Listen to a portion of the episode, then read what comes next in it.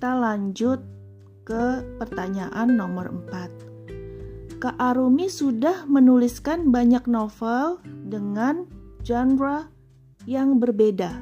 Genre mana yang menurut kakak paling menyenangkan buat kakak dan kenapa?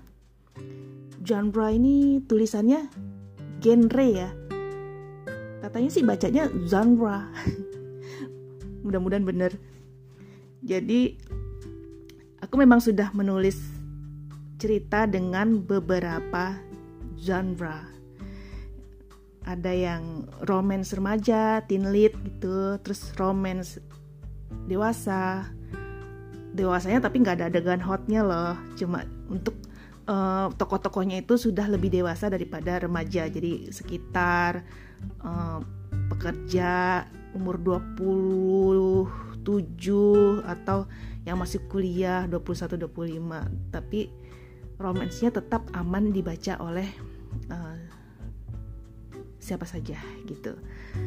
Terus ada juga romance religi, jadi romance-romance yang berbalut kisah religius ada beberapa malah lumayan banyak kemudian baru baru baru ini aku mulai menulis uh, novel horor tapi dipadukan dengan misteri penuh teka-teki. Jadi bukan cuma sekedar horor yang hantu muncul nakut-nakutin tapi juga ada kisah misteri yang mesti dipecahkan oleh si tokoh ceritanya dari semuanya mana yang paling aku suka itu semuanya aku suka. Jadi ketika aku tuh tergantung mood menulisnya ketika aku sedang tertarik menulis lead aku bisa sangat uh, tenggelam dalam tulisan itu.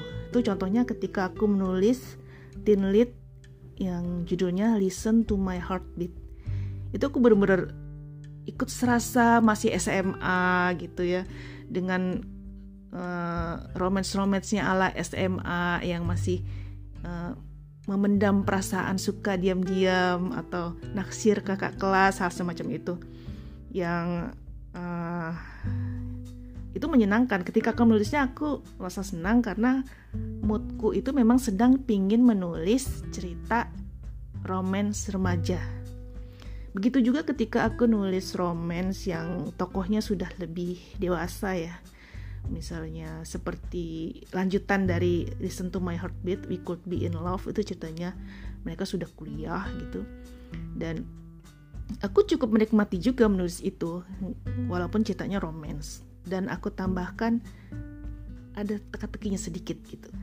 Terus ketika menulis romance religi begitu juga aku terhanyut dengan uh, kisah yang aku tulis sendiri aku ikut tenggelam dalam yang aku tulis aku seolah merasakan jadi tokoh uh, dalam cerita itu. Yang aku tiba-tiba aja jadi religius gitu. Uh, terus jadi semua genre yang aku tulis itu aku nikmatin. Begitu juga ketika kemudian aku sedang mood nulis cerita horor yang penuh misteri dan teka-teki aku menikmati banget gitu. Aku menikmati mm, menciptakan sebuah misteri di balik kenapa hantunya muncul kenapa hantunya ngedatengin tokohnya gitu. Terus kemudian si tokoh jadi jadi penasaran kemudian dia menyelidiki dan aku jadi merasa menikmati ketika aku menciptakan uh, sejarah dan teka-tekinya yang kemudian bisa membuat yang membacanya jadi ikut tergerak, ikut menebak-nebak, ikut menganalisa. Ih kenapa ini begitu ya? Kenapa tokohnya uh, uh, seperti itu ya gitu? Atau kenapa tuh hantu kok uh, ngejar-ngejar terus gitu kan? Pasti ada alasannya. Mungkin misterinya itulah yang kemudian membuat pembaca jadi ikut menebak-nebak dan apakah tebakannya benar atau enggak itu yang serunya tuh di situ gitu dan itu membuat aku aku jadi terangsang untuk berpikir lebih keras karena untuk menciptakan misterinya seperti apa dan kemudian menciptakan pemecahannya seperti apa itu itu seru banget gitu.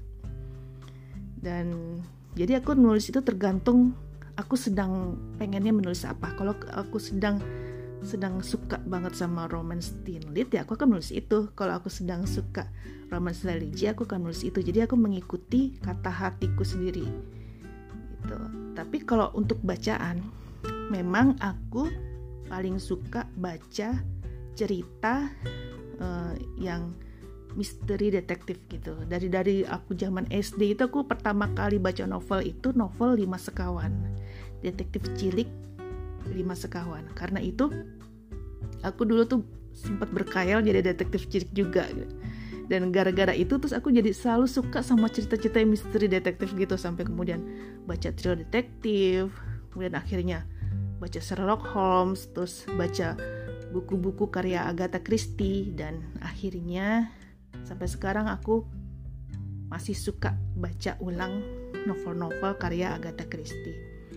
Hmm, dan itu salah satu yang menginspirasi aku untuk menciptakan cerita yang uh, walaupun horor tapi ada misterinya gitu ada misteri ada teka-tekinya yang membuat tokohnya itu uh, jadi menyelidiki menyelidiki misterinya itu dan kata pembaca ceritaku sih justru di situ tuh yang serunya gitu karena mereka jadi ikut ikut menebak-nebak, ikut menganalisa dan berharap analisa mereka benar. Dan apakah benar? Nah, itu yang serunya di situ.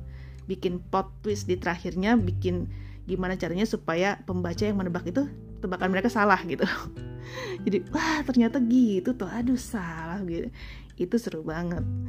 Jadi itu salah satu hal yang kalau dibilang mana yang paling aku suka ya itu tergantung mood aku seperti apa. Kalau sedang pengen nulis romance ya nulis romance, lagi pengen nulis horor ya nulis horor. Jadi aku bisa berubah-ubah. Tapi satu yang aku belum pernah mencoba itu nulis fantasi, fantasi semacam hmm, Harry Potter misalnya atau Lord of the Rings itu yang aku belum pernah mencoba. Kalau cuma fantasi ringan sih ada pernah. Yang sepertinya seperti yang replace itu sebenarnya fantasi juga. Ada fantasi ringannya romance berbalut fantasi ringan.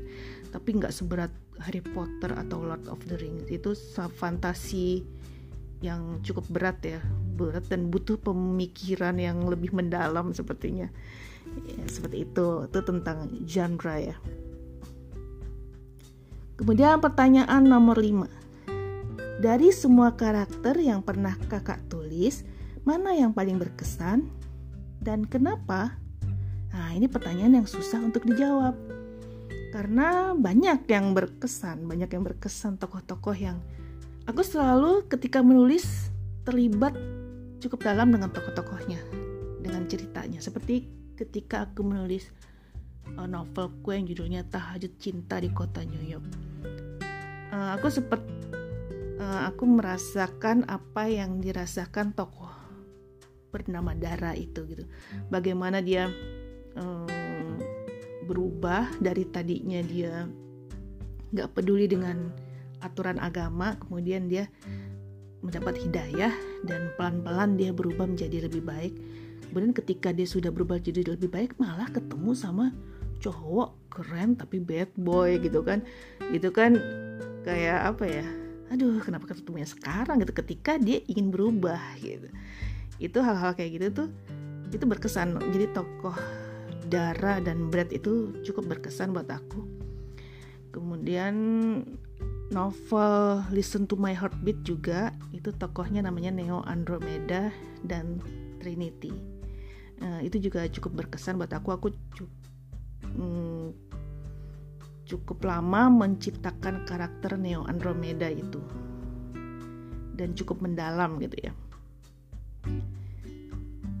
Uh, terus siapa lagi yang berkesan? Juga tokoh Sienna. Sienna juga itu sangat berkesan banget. Dia karakter yang sangat kuat gitu. Karena dia sudah ada di pikiranku sudah aku bayangkan sejak tahun 2010 ketika aku membuat cerpen ya. Jadi ketika cerpen Six Sense itu tokohnya juga bernama Sienna. Dan dia punya kemampuan bisa bisa melihat tanda-tanda kapan orang akan meninggal gitu. Ide ceritanya seperti itu. Kemudian tahun 2017 aku kembangkan menjadi novel. Nama tokohnya tetap Sienna dan dia seorang tokoh yang kuat yang karakternya cukup kuat gitu dan buat aku sangat berkesan. Dan sepertinya mungkin aku mem akan membuat kisah-kisah lainnya tentang Siena mudah-mudahan aja. Hmm, kemudian siapa lagi ya yang yang menarik dan berkesan buat aku. Tokoh yang baru sekarang Tesla itu di Nightmare in Budapest. Itu juga aku suka gitu. Aku uh, dia kenapa namanya Tesla juga aku jelasin di situ. Itu menarik juga gitu dan aku cukup berkesan sama dia karena dia aku, aku ciptakan sebagai tokoh cewek yang kuat.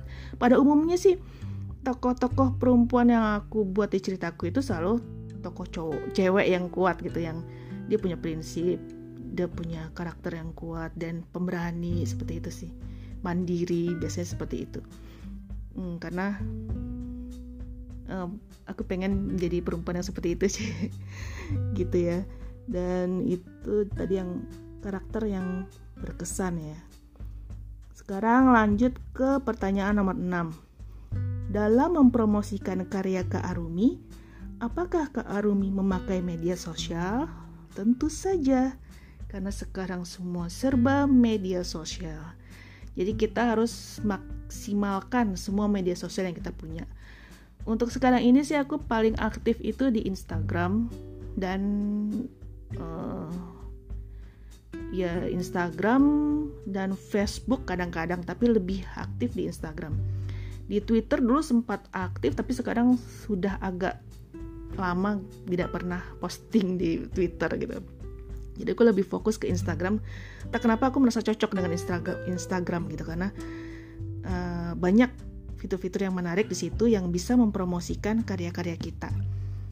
Aku suka sama IG story. Di situ aku bisa semua. Misalnya ada pembaca yang ngetek aku udah baca ceritaku terus mereka ngasih review singkat biasanya aku pasang di situ di IG story atau aku mau ngasih tips-tips nulis siapa tahu ada yang pengen yang tertarik pengen tahu gitu. Biasanya aku di IG story itu. Aku pasang di situ. Semuanya ada di IG story. Mulai dari tips nulis terus tentang novelku review dari pembaca terus promosi novelku dan termasuk juga artis idola aku siapa aja itu ada di IG story semua. Jadi sering deh. Di IG story itu sering. Tapi kalau untuk di feed memang aku batasi sehari itu hanya satu kali posting.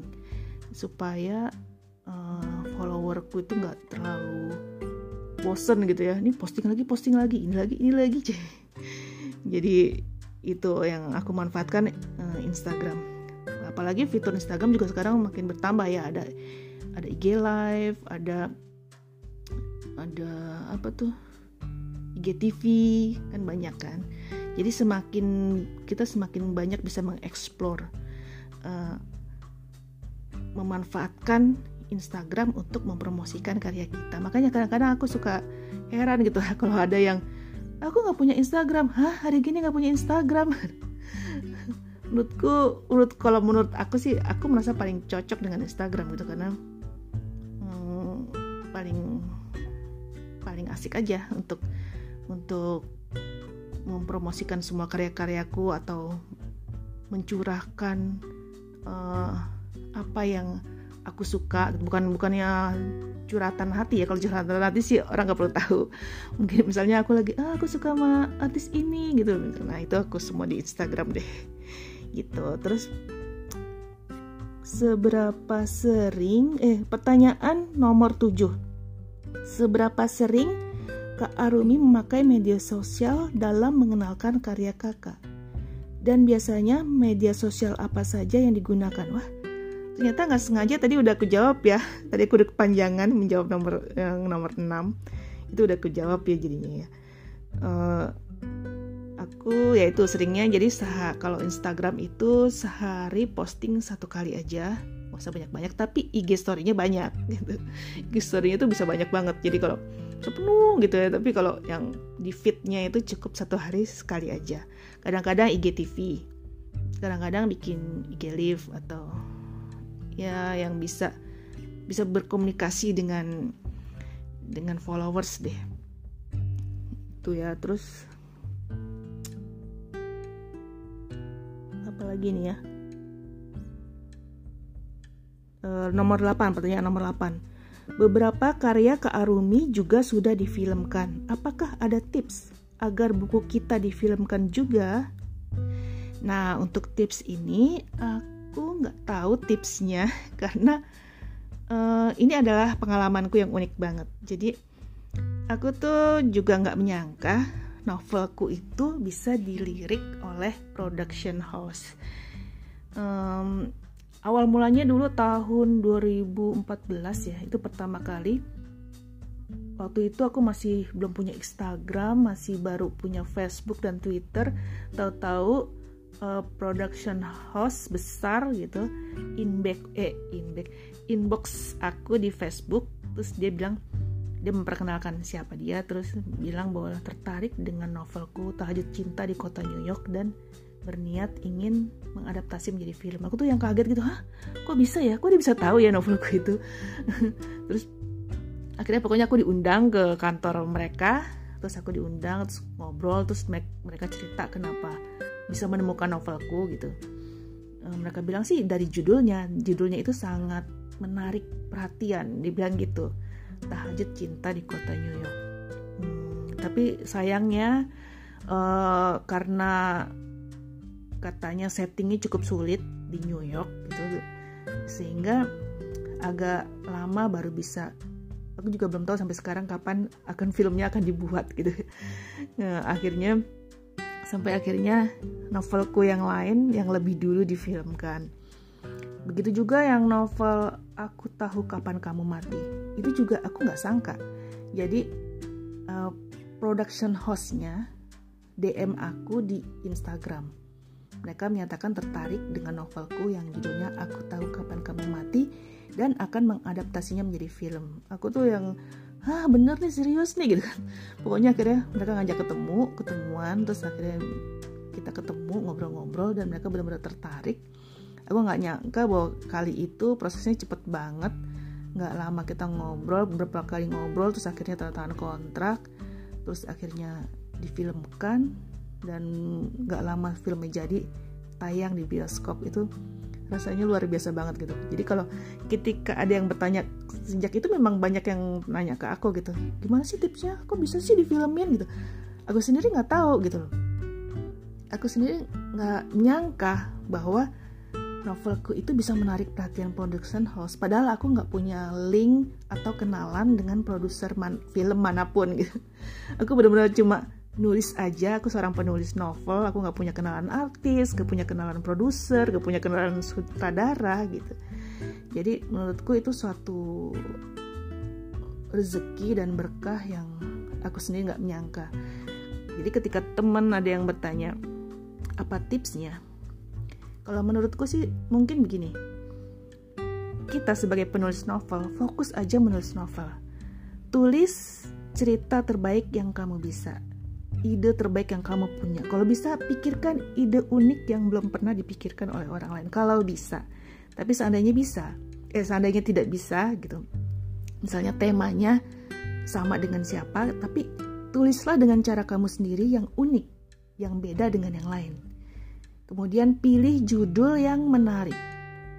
Mungkin dengan begitu karya kamu akan menarik minat production house untuk mereka membuat filmnya. Seperti itu sih kalau tips dari aku. Jadi maksudku gini, ketika kita menulis novel sebagai seorang penulis novel, jangan jangan dulu uh, membayangkan wah gue pengen nulis novel supaya novel gue ini nanti difilmin gak usah seperti itu Tulis saja cerita terbaik yang kamu punya, ide terbaik yang kamu punya, tulis sebaik-baiknya, semaksimal mungkin yang kamu bisa. Dan cerita kamu itu nantinya akan punya takdirnya sendiri. Jika cerita kamu itu memang takdirnya jadi film, maka dia akan ke arah sana dengan sendirinya. Seperti itu. Paling yang kita perlu kita pikirkan yaitu tadi bikin ide cerita yang menarik uh, dan judul yang menarik itu kalau udah beda dari yang lain kan biasanya pasti akan menonjol gitu menonjol dan menarik perhatian dan mungkin uh, kalau yang setahu aku itu kalau dari ngobrol sama produser film itu mereka memang mencari mencari ide dari novel-novel yang ada. Mereka kadang-kadang kalau dari yang waktu itu meminang tahajud cinta di kota New York dia sengaja jalan-jalan ke toko buku. Jalan-jalan ke toko buku dan dia baca tuh semua judul-judul novel di toko buku itu. Dan ketika dia menarik dia baca sinopsisnya di back cover. Terus menarik perhatian dia langsung dia hubungin penulisnya kayak gitu ada yang memang sengaja jalan-jalan ke toko buku ada yang memang googling-googling aja di internet. Ada buku apa aja sih? Novel apa aja sih yang menarik? Ide cerita apa sih? Jadi yang penting adalah sebagai penulis novel kamu tulis aja novel terbaik yang kamu bisa. Itu. Dan dan setelah novel itu terbit kamu tinggal menunggu takdir novel itu akan menjadi apa. Gitu sih kalau tips dari aku. Hmm, kita lanjut langsung lanjut ya ke pertanyaan berikutnya pertanyaan nomor 9 bagaimana cara Kak Arumi membangun engagement bacanya bener nggak ya? Engagement dengan pembaca. Uh, keterikatan gitu ya dengan pembaca ya. Uh, biasanya aku uh, aku beruntung dengan adanya ah bukan beruntung maksudnya aku suka gitu senang dan senang sekali penulis zaman sekarang itu punya kesempatan yang besar untuk bisa berhubungan lebih akrab dengan pembaca karyanya. Contohnya sekarang banyak platform-platform menulis yang menyediakan kolom komentar. Terus ada bisa juga DM, kolom kolom direct message gitu ya. Jadi pembaca yang membaca cerita kita bisa langsung memberikan uh, kesan kesannya terhadap cerita kita dan mereka bisa beri komen. Kalau komennya kita suka kita bales gitu ya. Biasanya kalau komennya kalau pembaca yang baik pasti akan memberikan komen yang baik. Seandainya pun memberi kritik juga dengan cara yang baik. Dengan bahasa yang baik dengan bahasa yang sopan yang tidak menyakiti atau menyinggung perasaan penulisnya. Biasanya penulis bukan berarti anti kritik kok. Mereka juga kalau memang kritik itu berguna buat penulis, dia pasti akan menerima kritik itu. Jadi tinggal gimana cara pembaca menyampaikan kritiknya. Kalau dengan cara yang sopan, dengan cara yang baik, dengan cara bersahabat, maka penulis juga pasti akan membalas. Aku juga gitu. Aku suka dengan adanya kolom komentar itu karena uh, pembaca jadi bisa memberikan masukannya untuk penulis. Di situ kita biasanya ada beberapa pembaca yang rajin, rajin baca, rajin komen tuh biasanya jadi jadi temen gitu. Temen terus akhirnya kita jadi dm dman jadi sering saling saling follow saling saling menyapa kayak gitu. Ya di situlah uh, keterikatannya. Jadi biasanya sih aku bila ada yang kirim pesan lewat inbox atau dm jika cara cara menyapanya sopan gitu dengan kata-kata yang baik dia tahu cara menyapa dengan baik seperti apa, pasti aku akan balas. Gitu. Aku akan selalu balas. Kecuali kalau yang uh, eh, DM-nya itu cuma follow back dong. Nah, itu nggak mungkin aku balas. Jujur aja nggak aku balas gitu karena kok gini amat ya gitu. Tapi kalau yang misalnya halo kak kenalkan aku gini gitu tuh misalnya terus aku udah baca cerita kakak gini, aku suka banget nah biasanya aku pasti aku balas kalau yang seperti itu maksudnya dia sopan dia memperkenalkan dirinya siapa kemudian uh, dia menyatakan udah membaca karyaku terus dari situ bisa diskusi misalnya dia dia dibilang dia belajar nulis juga kemudian dia minta tips biasanya aku kasih gitu. Jadi mulailah dengan kata-kata yang baik ketika memberi pesan. Biasanya kalau yang kata-katanya yang baik pasti akan berlanjut terus. Percakapan akan terus berlanjut. Hmm, dia dia kirim pesan apa akan aku balas akan aku balas. Selalu begitu. Biasanya aku selalu membalas pesan-pesan yang disampaikan dengan baik. Tapi kalau pesannya tuh yang ada juga yang pesan ngirim pesan cuma gini kak udah gitu doang. Kan bingung kan? Gimana balesnya gitu? Cuma gitu aja gitu atau callback dong gitu doang. Nggak mungkin lah dibales gitu kan. Atau misalnya cuma mau nanya mau nanya dong itu kan aneh gitu pesan ngirim pesan begitu. Kalau jadi kirim pesan pun ada tekniknya gitu. Misalnya kita kita menyapa dengan sopan ucapan salam kemudian kita perkenalkan diri dulu kita siapa kemudian baru kita ngungkapin kita tuh mau apa gitu. Saya gitu. Jadi di situlah uh, aku membangun keterikatan dengan uh, dengan pembaca dengan pembaca ya. Kadang-kadang pembaca akhirnya jadi penulis juga gitu karena gara-gara baca terus dia jadi jadi tertarik untuk menulis juga kemudian dia minta tips nulis uh, dan aku aku akan dengan senang hati memberikan tips nulis jika cara dia memintanya dengan baik-baik juga seperti itu. Hmm, ya, tadi itu ya. Membangun keterikatan dengan pembaca. Kemudian kita lanjut ke pertanyaan nomor 10 bagaimana menurut kakak menjadi seorang penulis di masa sekarang dengan segala akses dan media yang ada. Menurut aku penulis zaman sekarang itu semakin dimudahkan dengan berbagai apa ya produk kemajuan zaman yang sekarang ini seperti platform nulis yang semakin banyak, banyak yang baru-baru dan itu adalah suatu media yang sangat bagus untuk penulis uh, memajang karyanya gitu. Mungkin selama ini kita sebelumnya sebelum platform itu ada, sebelum media sosial ada, seorang penulis itu mesti mengirimkan naskahnya ke penerbit untuk diterbitkan menjadi buku fisik dan itu tuh proses seleksinya itu berat sekali gitu. Biasanya tuh naskah itu dikirim dalam bentuk print out terus bisa numpuk-numpuk gitu ya. Begitu dikirim tuh numpuk-numpuk dan perlu ke suatu keberuntungan bahwa naskah kamu akan dibaca oleh editor. Jadi sangat sulit sekali di masa lalu sebelum masa sekarang untuk bisa menerbitkan sebuah novel di penerbit mayor. Hmm. Dan sekarang aku lihat penulis zaman sekarang itu diberi kemudahan yang banyak sekali. Sekarang tinggal kemauan kita sendiri aja. Gitu. Jadi ketika kayak ada penerbit-penerbit yang dia membuka pintu lebar-lebar silakan para penulis penulis pemula sekalipun kirim naskah kamu ke pajang di platform mereka gitu kan nanti akan mereka seleksi yang bagus akan mereka terbitkan atau entahlah bagaimana zaman sekarang apakah dalam bentuk fisik atau digital atau POD dan sebagainya tapi uh, masa sekarang itu mereka terbuka gitu. Semua penerbit sekarang terbuka. Terbuka menerima naskah. Malah mereka mencari naskah gitu. Uh, beda dengan dulu yang masih susah gitu. Jadi sekarang ketika sekarang ini masih ada yang aduh susah gini aduh percayalah bahwa itu nggak susah. Zaman dulu lebih susah lagi. Kalau memang ke keinginan kamu menulis itu kuat kamu akan rela mm, melaksanakan semua aturan yang telah ditetapkan oleh platform menulis atau oleh penerbit itu. Gitu. Apalagi sekarang banyak banget lomba-lomba menulis yang diadakan. Itu kesempatan banget gitu. Kesempatan banget kamu untuk uh, karya kamu itu uh, menembus penerbit yang kamu inginkan itu. Ikut aja lombanya. Siapa tahu menang. Kalau menang kan alhamdulillah. Kalau nggak menang pun ya nggak apa-apa gitu. Siapa tahu bisa terbit secara reguler gitu cerita kamu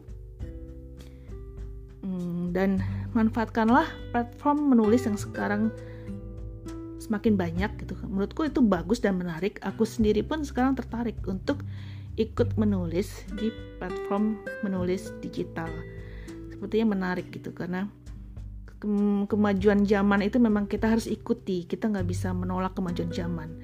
Bukan berarti uh, buku fisik sudah nggak menarik lagi. Tetap menarik tetap sesuatu yang uh, memberi sensasi membaca yang berbeda gitu buku fisik itu pasti akan selalu disukai aku masih percaya gitu masih banyak orang yang lebih suka baca buku fisik misalnya daripada e-books tapi sebagai seorang penulis kita harus bisa menulis di mana saja menulis di platform digital oke okay. menulis untuk diterbitkan jadi buku fisik juga oke okay. Jadi yang penting adalah seorang penulis itu karena sekarang jalannya udah semakin luas Tinggal kitanya aja yang semakin semangat menghasilkan karya yang terbaik. Semakin banyak mencari ide, cita-cita baru dan semakin keras bekerja untuk menyelesaikan cita-cita baru itu aja. Jadi sekarang tinggal tergantung kepada kitanya sebagai seorang penulis. Karena peluang sekarang udah banyak di mana-mana. banyak gak banyak yang butuh naskah. Sekarang tinggal seorang penulisnya. Bisa nggak bikin naskah yang terbaik untuk dikirim ke berbagai penerbit? Dan uh, ke berbagai penerbit yang menerbitkan buku fisik maupun uh, platform menulis digital. Seperti itu. Itu tadi pertanyaan nomor 10 ya nah sekarang sampailah kita pada pertanyaan terakhir pertanyaan nomor 11 untuk para penulis yang baru memulai dan ingin mengenalkan karyanya apakah Arumi ada tips khusus? Nah, ini sebenarnya tadi udah aku singgung ya di jawaban untuk pertanyaan nomor 10 bahwa penulis baru yang baru ingin mengenalkan karyanya sekarang tuh peluang terbuka sangat luas sekali kalau menurutku ya kamu bisa menulis di mana aja. Seperti sekarang nih di Quiku Quiku tuh sedang mengadakan lomba menulis berhadiah yang sangat besar. Menurutku ini suatu kesempatan besar banget buat kamu terutama yang baru mulai menulis yang kamu udah punya naskah dan masih bingung mau aduh mau kirim ke mana ya? Ini kesempatan besar banget.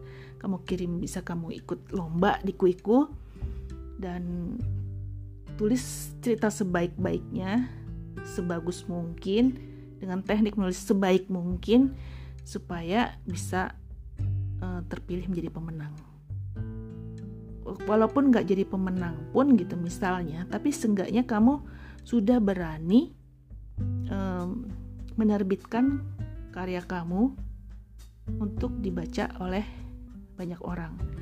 Nah, di situ pasti nanti akan ada eh, kesan-kesan dari yang udah baca. Jadi itu itu salah satu peluang yang uh, jangan disia-siakan gitu untuk penulis yang masih baru. Jadi menurutku uh, untuk penulis yang masih baru itu pertama itu yang paling paling sering ya paling sering uh, ngadu ke aku itu mereka tuh nggak percaya nggak percaya diri gitu takut nggak ada yang baca takut ceritanya jelek takut dikatain takut takut takut semuanya takut kalau cuma takut maka kamu nggak akan pernah menghasilkan apa-apa. Jadi yang pertama adalah berani. Berani dan percaya diri. Uh, karena menurutku ya dari pengalamanku menulis di sekian tahun modal yang paling besar yang dibutuhkan penulis adalah yang dibutuhkan penulis adalah bermental baja dan pantang menyerah. Itu yang penting.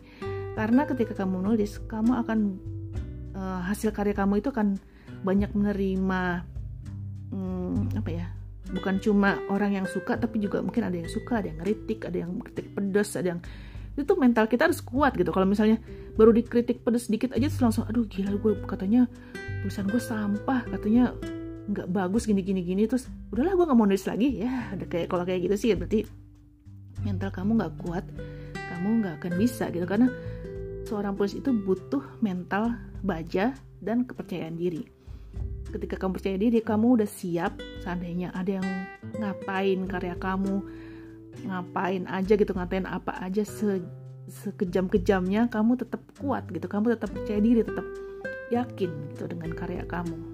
Yang penting itu karena ketika kamu sudah kuat kamu bisa menghadapi apa aja karena dunia menulis itu bukan dunia yang enak-enak aja gitu. Ada kerja, ada kerja keras di situ ada ada tangis cie tangis.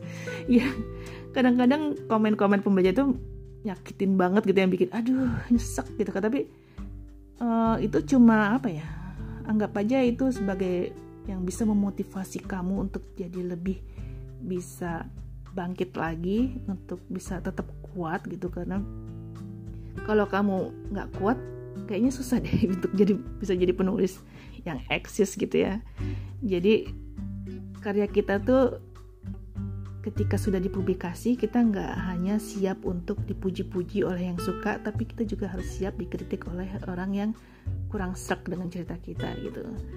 Jadi itu aja sih uh, tipsku untuk para penulis yang baru saja ingin mengenalkan karyanya, yang utama adalah jangan takut mencoba dan percaya diri dengan karya kamu.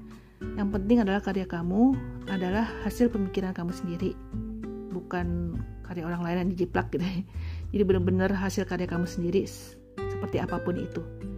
Nanti ketika kamu publikasi di situlah ajang yang sesungguhnya yang yang akan menguji karya kamu itu apakah memang banyak yang suka apakah memang sudah bagus kalaupun memang dianggap belum bagus ya nggak apa-apa kamu perbaikin lagi supaya bisa jadi lebih bagus lagi. Jadi yang kalau untuk penulis pemula itu yang utama adalah uh, jangan takut pantang menyerah dan berani uh, juga percaya diri. Itu sih. Dah akhirnya sudah semua pertanyaan aku jawab. Semoga uh, semua yang udah aku bagi pengalamanku selama menulis ini bermanfaat untuk um, para pendengar dan mungkin bisa memberi inspirasi mudah-mudahan insya Allah bisa memberi informasi eh informasi inspirasi dan pesanku kita tetap aja semangat menulis. Walaupun keadaan seperti sekarang ini kita tetap semangat. Hmm, semoga dengan semangat itu kita bisa mewujudkan mimpi-mimpi kita. Ya sekian dulu ya. Terima kasih teman-teman yang sudah mendengarkan. Sampai ketemu lagi kapan-kapan. Dah